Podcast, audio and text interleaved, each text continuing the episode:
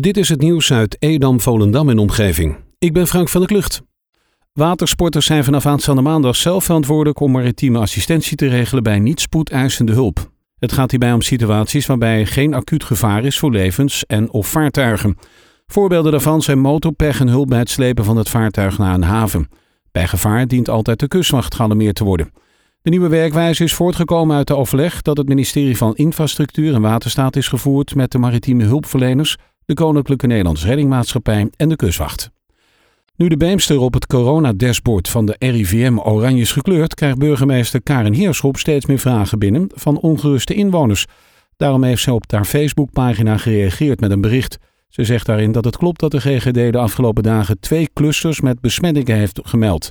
Zij zegt dat het klopt dat de GGD afgelopen dagen twee clusters van besmettingen heeft gemeld. De clusters zijn terug te voeren op twee verschillende bijeenkomsten door betrokkenen zelf georganiseerd. In de afgelopen dagen zijn twaalf mensen positief getest. Die mensen zijn nu in thuisquarantaine. Het is belangrijk dat iedereen de coronaregels in acht blijft nemen. Handballer Robin Jansen keert komend seizoen terug naar Herperts BVHC. De linkeropbouwer en international van Oranje kwam in 2018 over van de club uit Panningen en bewandelt na de zomer de omgekeerde weg. In dienst van Kras Volendam groeide Jans al snel uit tot een belangrijke schakel. In 2019 won hij met Kras Volendam de NHV-beker. De afgelopen jaargang was Jansen een van de meest scorende spelers van de ploeg uit Volendam. Met 94 treffers bezet hij de derde plaats in het Volendamse topscorersklassement.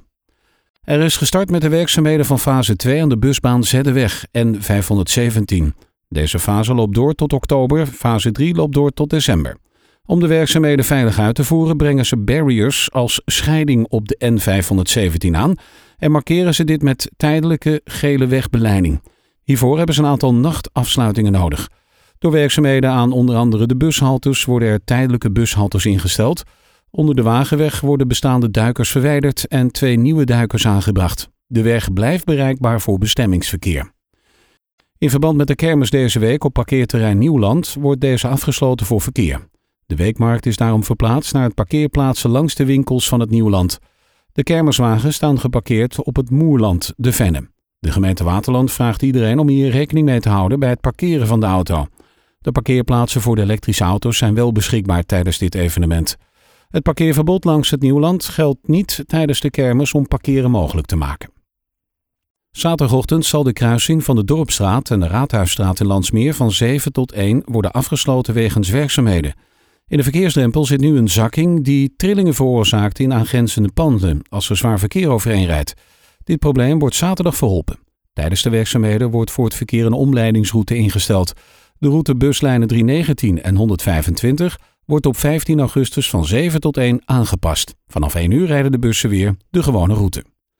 Op zaterdag 27 augustus om 10 uur tot half 12 organiseert de SMD weer een inspiratiebijeenkomst voor alle mantelzorgers in Landsmeer. De mantelzorgbijeenkomst start om 10 uur in het Wapen van Landsmeer.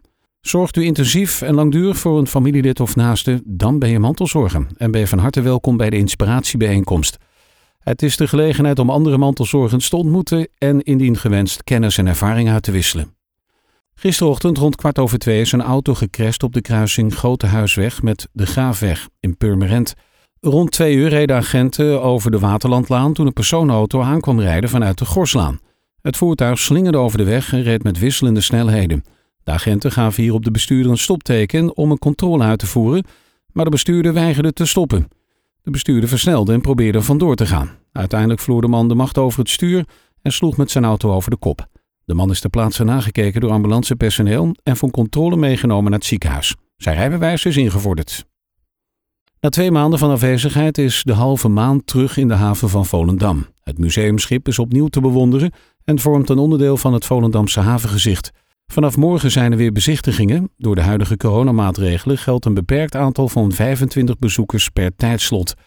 Tijdens de bezichtiging maak je kennis met verschillende stations op het schip: de achterkamer, de kaapstander, het overloopdek en de bak waar het eten werd bereid. Er zijn vrijwilligers aanwezig die een extra uitleg kunnen geven en ruimte hebben voor vragen. Tot zover het nieuws uit Edam, Volendam en omgeving. Meer lokaal nieuws vindt u op de Love Kabelkrant, onze website of in de app.